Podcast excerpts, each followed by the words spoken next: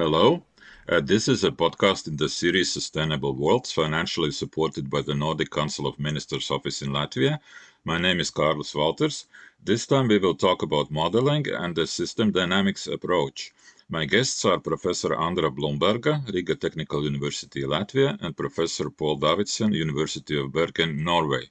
We are recording this online. Hello and welcome. Thank you very much. Hello. System dynamics is a scientific approach aimed at studying complex dynamic systems in the world around us. What are the challenges that we humans face when addressing problems associated with such uh, systems? Well, the way I see it is that the main problem is that we human beings do not have the capability to represent in our mental models all that complexity that characterizes reality. Moreover, if we did, we would not be able to derive from such an understanding why these systems develop or behave over time the way they do.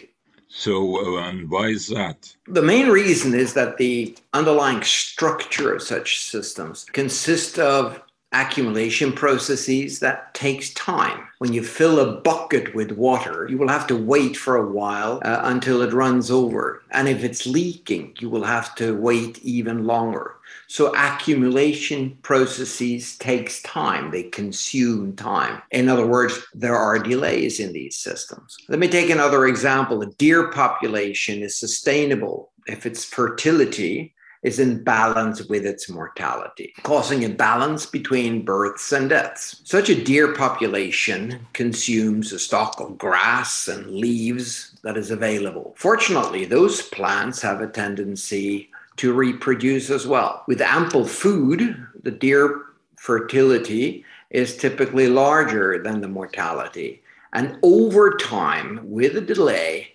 that causes the population to grow. But if the deer population grows as a consequence of the food availability, it may finally, with a delay, reach the carrying capacity of the food stock. Again, that takes time. If the deer population grows beyond that carrying capacity, then it will consume more grass and leaves than is being produced by the soil. And over time, cause a depletion of food source. And as the food source is being depleted, the food scarcity feeds back to the deer population, increasing its mortality and possibly reducing its fertility. So, in other words, what you see here are a lot of delay processes, and that contributes to puzzle us. We will always have to wait for the system to react when we act for or against a system. And what I described will finally cause a reduction in the size of the deer population.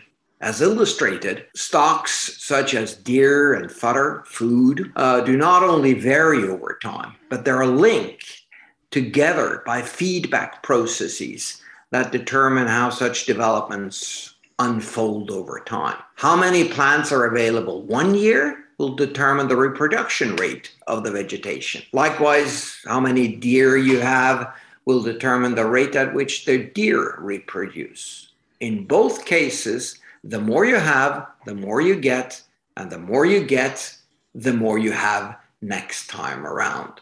So these are feedback processes that govern both of the populations. Moreover, the more deer you have, the less vegetation you have next time around, which determines how many deer you have thereafter. These feedback processes lead us into circular reasonings that human beings, we as analyzers of this reality, are not very good at. We are actually pretty poor circular reasoning machines, if you want. Then there is the fact that subsystems, here is the system of plants and the system of deer, they interact in an ecology so as to influence each other's development. We see this case where the uh, impact of the current plant population has an impact on its own reproduction. But that's conditioned by the size of the deer population, its plant consumption.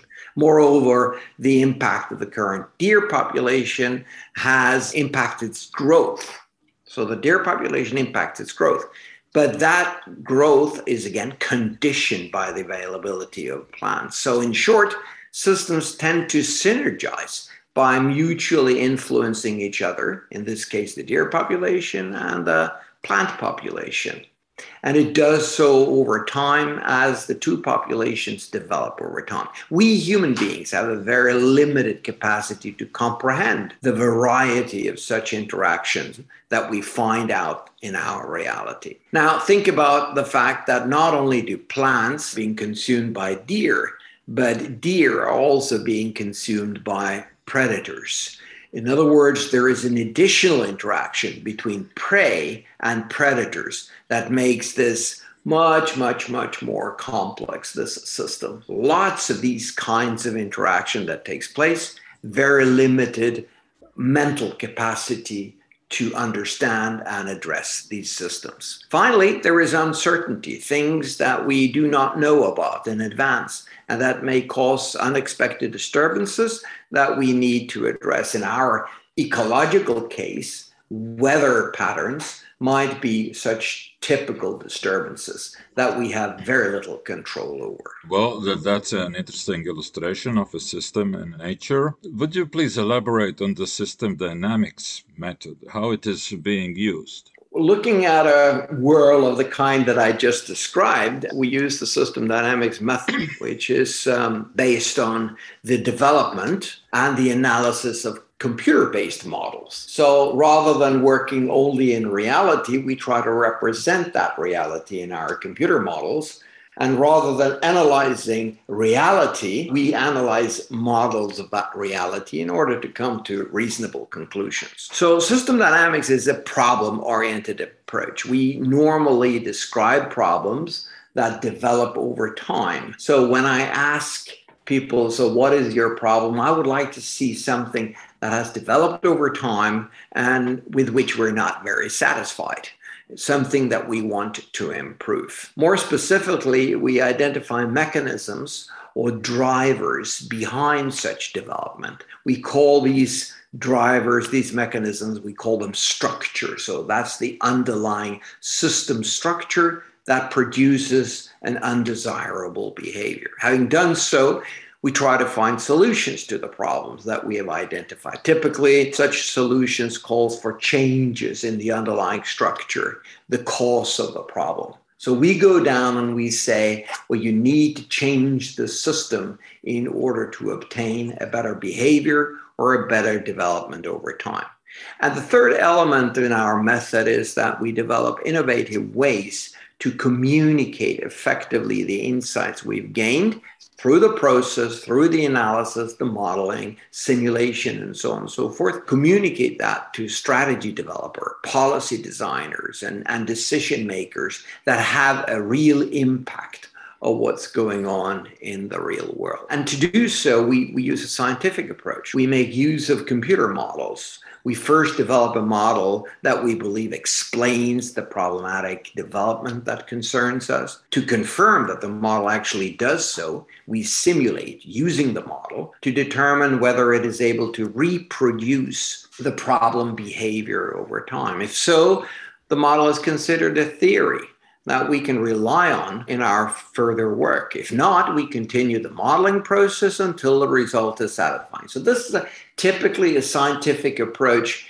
We come up with a hypothesis in the form of a model, we test the hypothesis against data, and we accept the hypothesis as a theory if we are able successfully to reproduce the problem we were experiencing. Uh, with that theory, we know why things go wrong and can use that in our solution. So we test out proposed solutions, things that we believe might make a difference. So we introduce changes that we believe will work into the model uh, structure. We simulate again we determine whether the changes we made actually works to solve the problem. If not, we try until we're confident that we have identified a solution that will work under most realistic circumstances. A solution that's sort of robust, it can withstand a lot of uncertainty, and one that can actually be implemented in reality. So that was the second thing. That was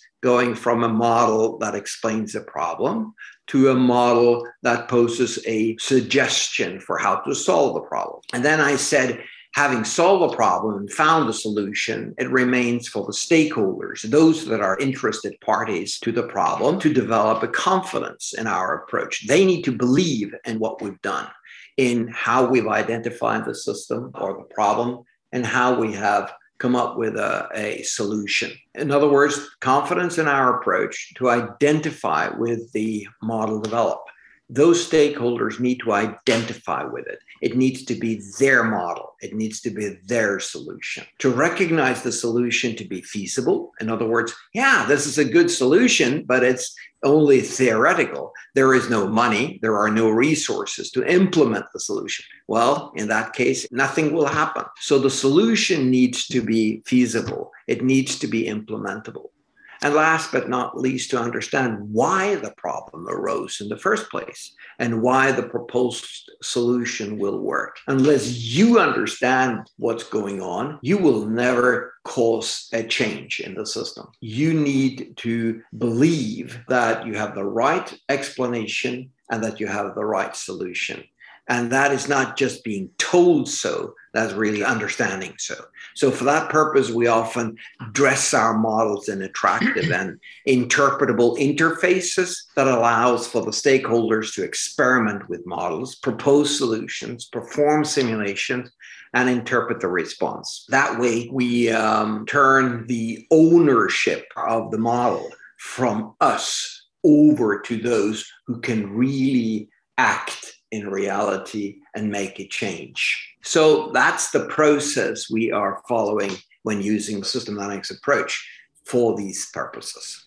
Thank you, Paul, for this uh, comprehensive introduction. Andra, uh, you have developed a number of system dynamics models. Would you talk about some of your studies? What have you modeled and, and what uh, have been the results? We have uh, done uh, quite a number of models, and we are mainly focusing on energy and climate issues. So, whatever human uh, behavior can uh, reduce uh, either energy consumption or any kind of pollution uh, into environment. For example, we have a model where we deal with uh, energy deficit or energy independence from the other side of the coin, let's say. Imagine you live in a country where the energy is produced from uh, fossil fuel and that fossil fuel is not uh, from your country but it's imported from outside, then uh, your economy is uh, growing and you need more energy. And then uh, one day you understand that you have a deficit or that it's not enough uh, energy to run the economy. So you have uh, two options. You can either call a fossil fuel supplier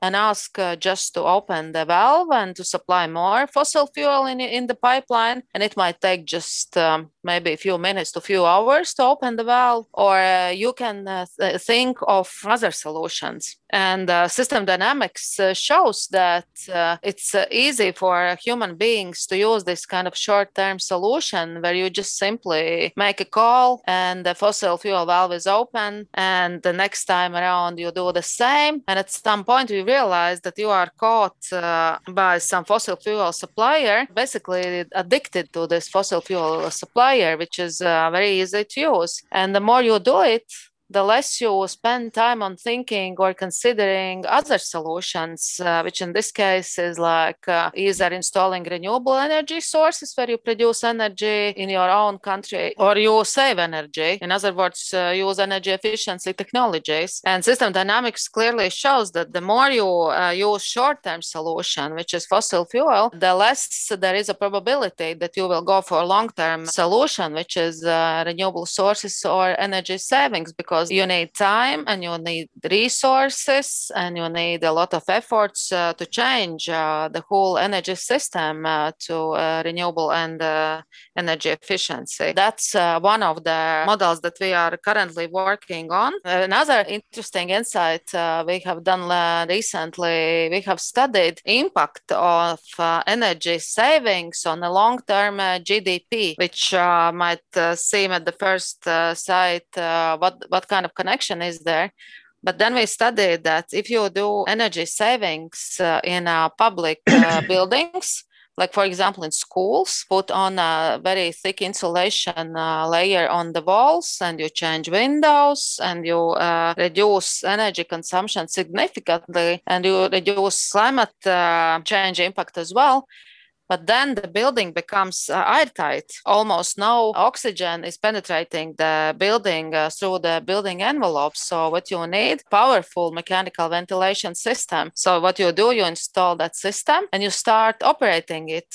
And then you realize how expensive it is first to install it and second to run it because it consumes a lot of energy. And at some point you might think no oh it's too expensive. Let's switch it off. It's happening normally in schools. They just uh, simply switch off the ventilation system. And then in a very efficient airtight building with ventilation switched off pupils come to school. They sit in the classroom. They breathe in breathe out and at some point, CO2 level eh, within the classroom is reaching uh, high levels, which in turn reduces performance, in turn reduces the grades. The less the grades at the end of the school, the mm, smaller is the probability that this pupil will be able to go to good university and uh, study uh, some uh, things that are valuable uh, for the GDP growth.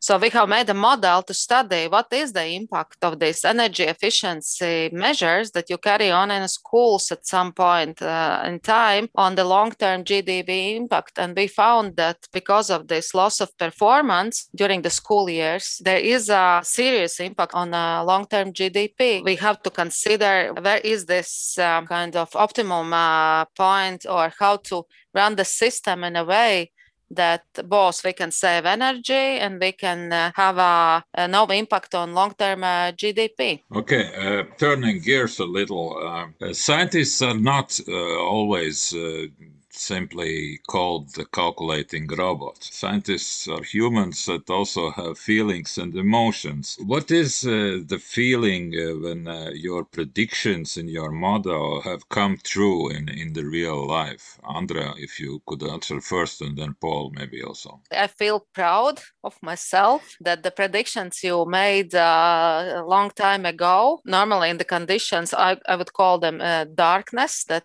you predicted something uh, that you built based on what you think how reality works. Back in uh, 2008, uh, together with Paul, we built a model about uh, energy efficiency in uh, multifamily buildings in Latvia. And that's one of the most uh, difficult sectors where to save energy because of some local conditions. And at that time, we had 30,000 that type of buildings in Latvia, and only 50 buildings had these energy efficiency measures installed. So we had to build a model on the policies, how to increase uh, this insulation rate uh, in Latvia. And we built it based on uh, our knowledge gained uh, through these 50 buildings, how we saw how the reality we, we thought works. And of course, it was a bit scary. You think that it's a correct way how you make this model, but when people ask you, or as Paul said, uh, they ask how confident are you about the model, you always uh, think yourself, but maybe the reality is a bit different, or maybe if there were thousand buildings, the reality would be different. But now, uh, 13 years later, we have seen that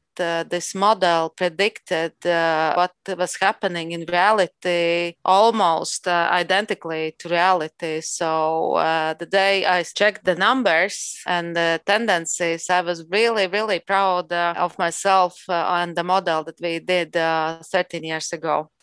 I think uh, I, I share the, the, the sensation that that uh, Andrea expressed. You are proud and you're glad, and you're perhaps glad on behalf of those people that you've been working with because uh, they're the ones that are being helped or assisted or benefit from a good prediction. On the other hand, I must say that I am always nervous that there are lots of side effects and lots of things that we have not imagined should be part of a model. And we must realize that the production or what what's coming out of a, the result of a modeling exercise is only as good as the assumption that you put into the model.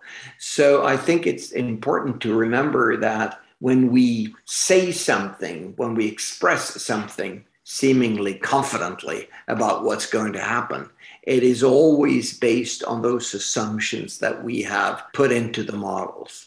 And uh, if you change those assumptions, you may come to a different conclusion. That is why working with people who know the system very well is so important. You need to have as good information about the structural functioning of a system before you can come to conclusions of that validity or, or quality that Andra is talking about. And by the way, one of the things that I like working with people in, in Latvia is that I have felt an enormous competency, domain insight, insight into the systems that we are modeling. In that sense, my collaboration with people in Latvia has been a rewarding uh, experience from me. I'm a technical system dynamics modeler. And one of the good things about that, and this goes far beyond the question you asked, but I, would like to say that as such, you get in contact with a lot of different issues and concerns that people have all over the world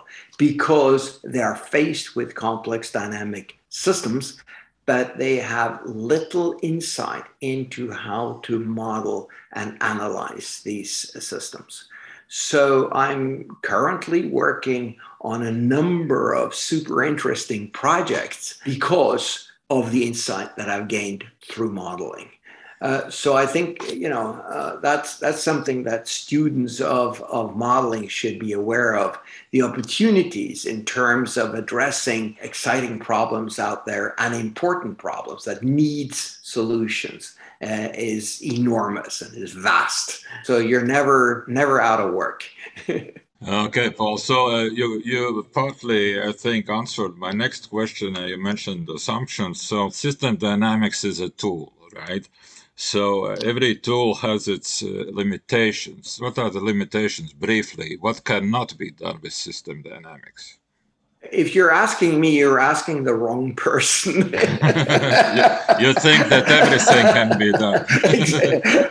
well, you know, I'm. Uh, let me say this: I'm I'm extremely surprised by how few times I've had to give up, and it is not usually. It's not because of the nature of the problem, that is the complexity of the problem, is very often the vastness, the size of the task that we are looking at. Very often, we will have to put fairly clear boundaries around the problems that we're addressing using this method. It is not so that we can build immensely large models and pretend we understand what's going on the science of modeling is to identify what in reality are the most important factors that we need to understand in order to understand reality. So, so let me just be concrete. Let's say that you have a development over time that you don't like. Let's say you have a conflict between wildlife and people in an African area and you want to address coexistence between human beings and wildlife. That is enormously vast and complex issue.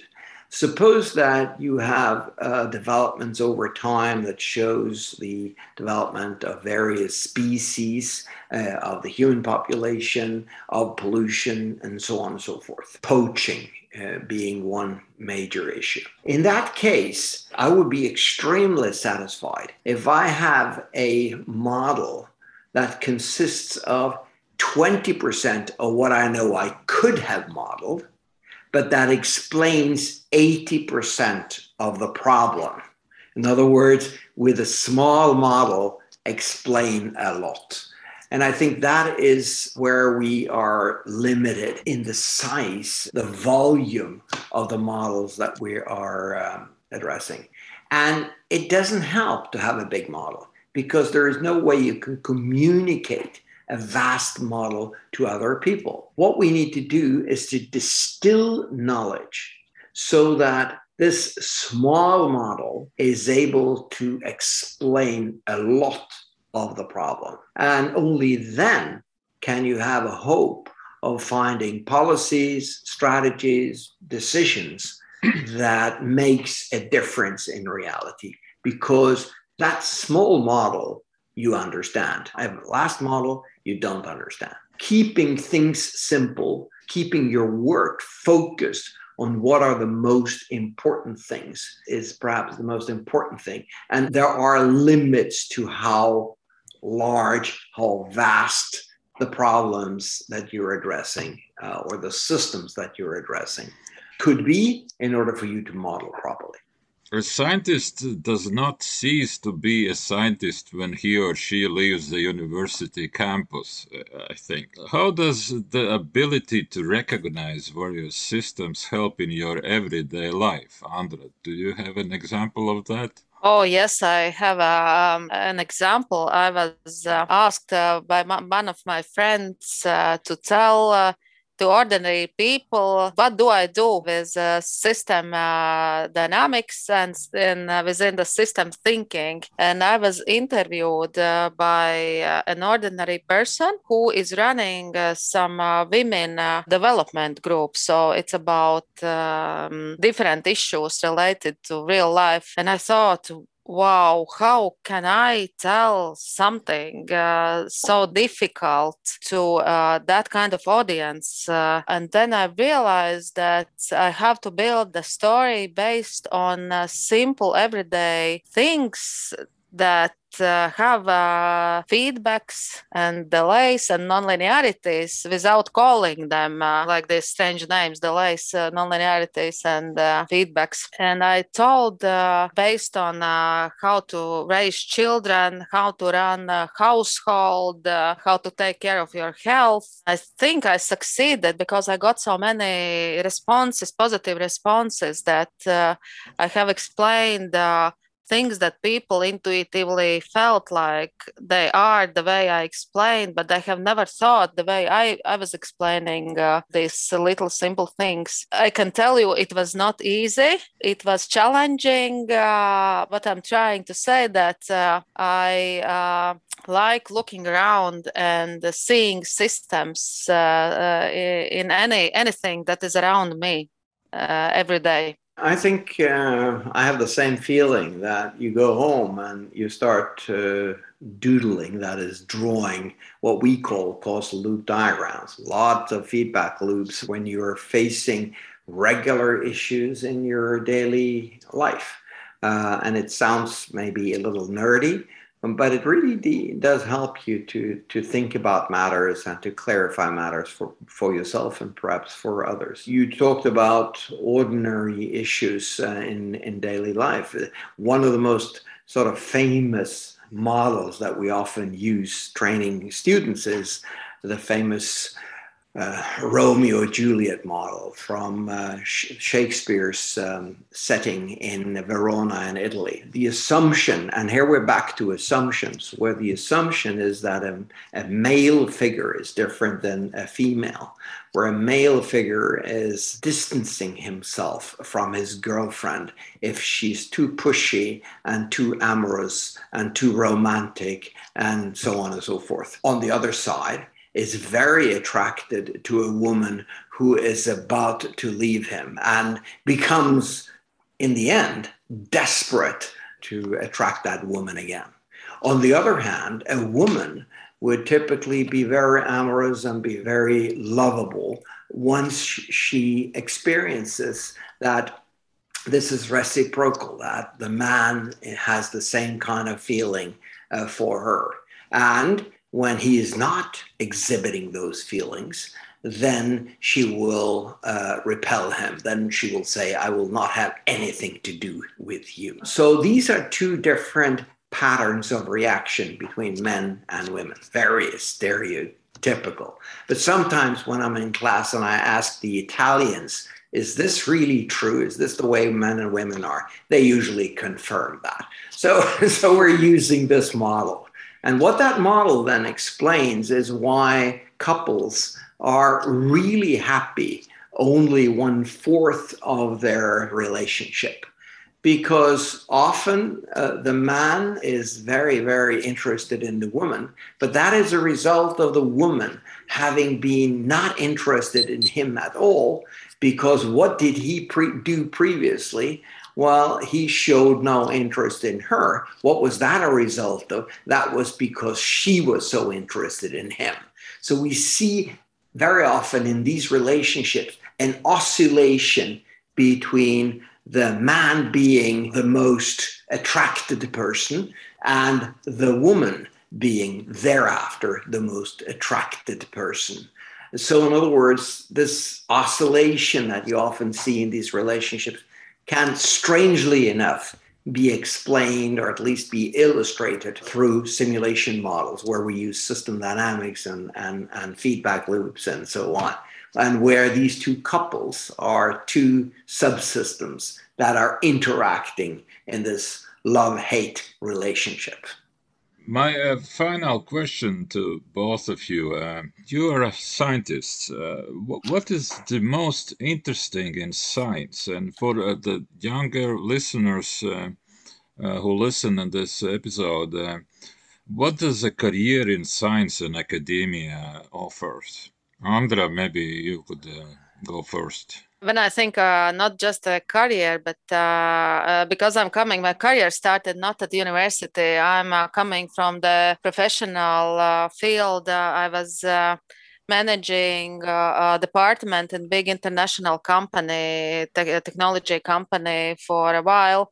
And then I was managing a consultancy company for the next seven years in my life. Only after then I came back to university and I have uh, this chance to compare uh, working uh, in business and uh, working in uh, academia. And I always uh, tell that I would never ever consider going back to business because it's too boring.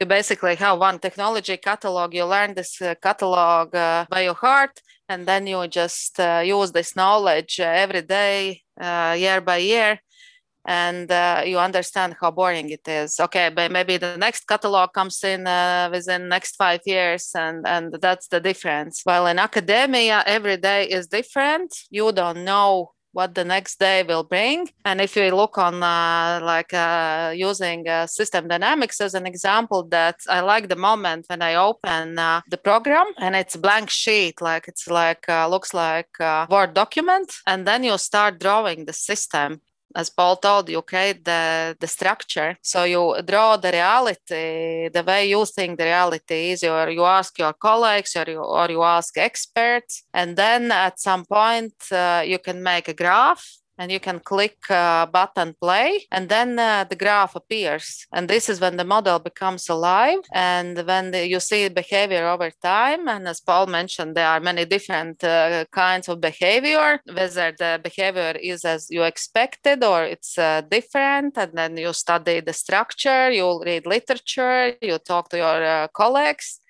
and you improve the structure. And this is uh, what I like the most. Uh, so I encourage anyone uh, who doesn't want to live boring life with technology catalogs uh, to go for science and to go for university and academia but i'm not saying that the business is bad of course it's just different well there is there is always the difference that in business you might make a little bit more money and that has to be rec- yes. that, that, that yes. has to be recognized. Yes i agree.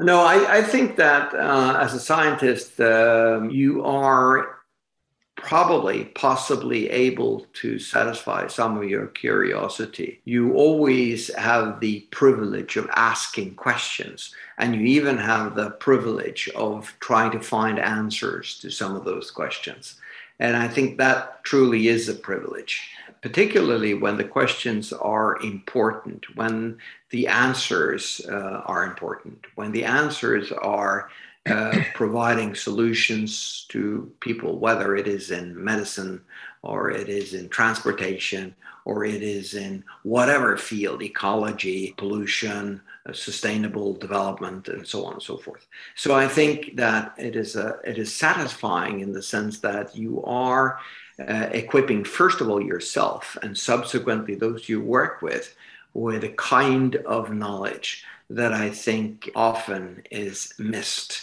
in other parts of society. And one of the things that I, I believe is important is the following. When you listen to many people, And mind you, I'm not just saying politicians, I'm saying a lot of people who, particularly those who are showing up in the media, they seem to be very certain about their conclusions. They seem to be knowing what happens, they seem to be knowing what solutions to bring to the table, and they're very confident seemingly so. And very often, what we know is that they are not really completely correct in their assessment of how to address the problem. Maybe one of the very first things that I say to my students is what does the kind of science that we're working with bring to the table? And that is a respect for complexity. And I would say, then, therefore, respect for nature, respect for the fact that we don't really understand everything that's going on, and therefore that we need to be careful in our decision making and our implementation of those decisions. Be careful so that we don't step too far. Be conservative in our decision making and so on. What we see now is a new wave in environmental sciences where people say, well, you know, we should really not pollute so much because we're not certain about what will happen. So let's be a little careful now and then have fun later on rather than have fun now and suffer the consequences later on. So I think that trade off between short term happiness and long term suffering versus short term investments and long term gains is, is very important. And I think that's one of the perspectives that science will bring to, to the table. Thank you, Andra. Thank you, Paul. Uh, on this note, we uh, will end uh, this current episode in the podcast series Sustainable World, supported by the Nordic Council of Ministers office in Latvia. My guests were Professor Andra Blumberga from Riga Technical University and Professor Paul Davidsen from University of Bergen. My name is Carlos Walters. Stay tuned for the next episode. Thank you for listening and goodbye.